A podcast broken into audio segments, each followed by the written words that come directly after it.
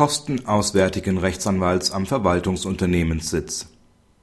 Die dem Rechtsanwalt zustehenden Fahrtkosten und Abwesenheitsgelder können gegen den Prozessgegner nur festgesetzt werden, wenn diese Kosten notwendig waren.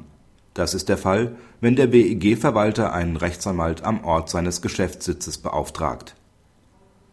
Die Gemeinschaft erteilt dem Verwalter, der seinen Geschäftssitz nicht am Ort der Wohnanlage hat, Prozessvollmacht.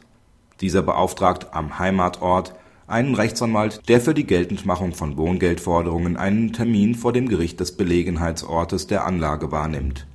Dafür meldet er Fahrtkosten und Abwesenheitsgeld von etwa 400 Euro an. Gegen den entsprechenden Kostenbeschluss legt der Verfahrensgegner sofortige Beschwerde ein. Vor dem Landgericht Aurich kann er mit seinem Rechtsmittel nicht durchdringen. Die Kostenfestsetzung hinsichtlich der Fahrtkosten und Abwesenheitsgelder ist nicht zu beanstanden Unstreitig kann der Verband einen nicht ortsansässigen Verwalter bestellen und ihm Prozessvollmacht erteilen. Die Hinzuziehung eines Rechtsanwalts in der Nähe des Geschäftssitzes durch eine auswärtige Partei ist regelmäßig eine Maßnahme zweckentsprechender Rechtsverfolgung.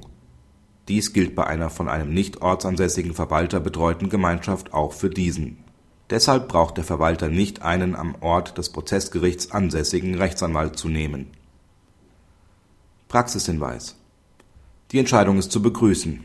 Die Kammer weist zudem zutreffend darauf hin, dass jede Einschränkung dieser Grundsätze die Wahlfreiheit der Wohnungseigentümer bezüglich des Verwalters und dessen Entscheidungsfreiheit hinsichtlich des Rechtsanwalts beeinträchtigt.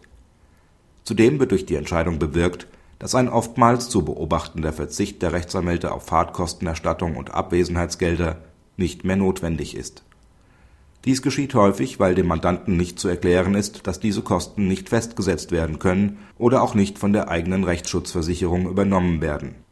Letztlich wird eine Reisetätigkeit von Rechtsanwälten immer dort zu beobachten sein, wenn es sich um Fachanwälte oder besonders ausgewiesene Spezialisten handelt. Durch die Einführung der Fachanwaltschaften wollte der Gesetzgeber dem Rechtssuchenden mehr Kompetenz anbieten.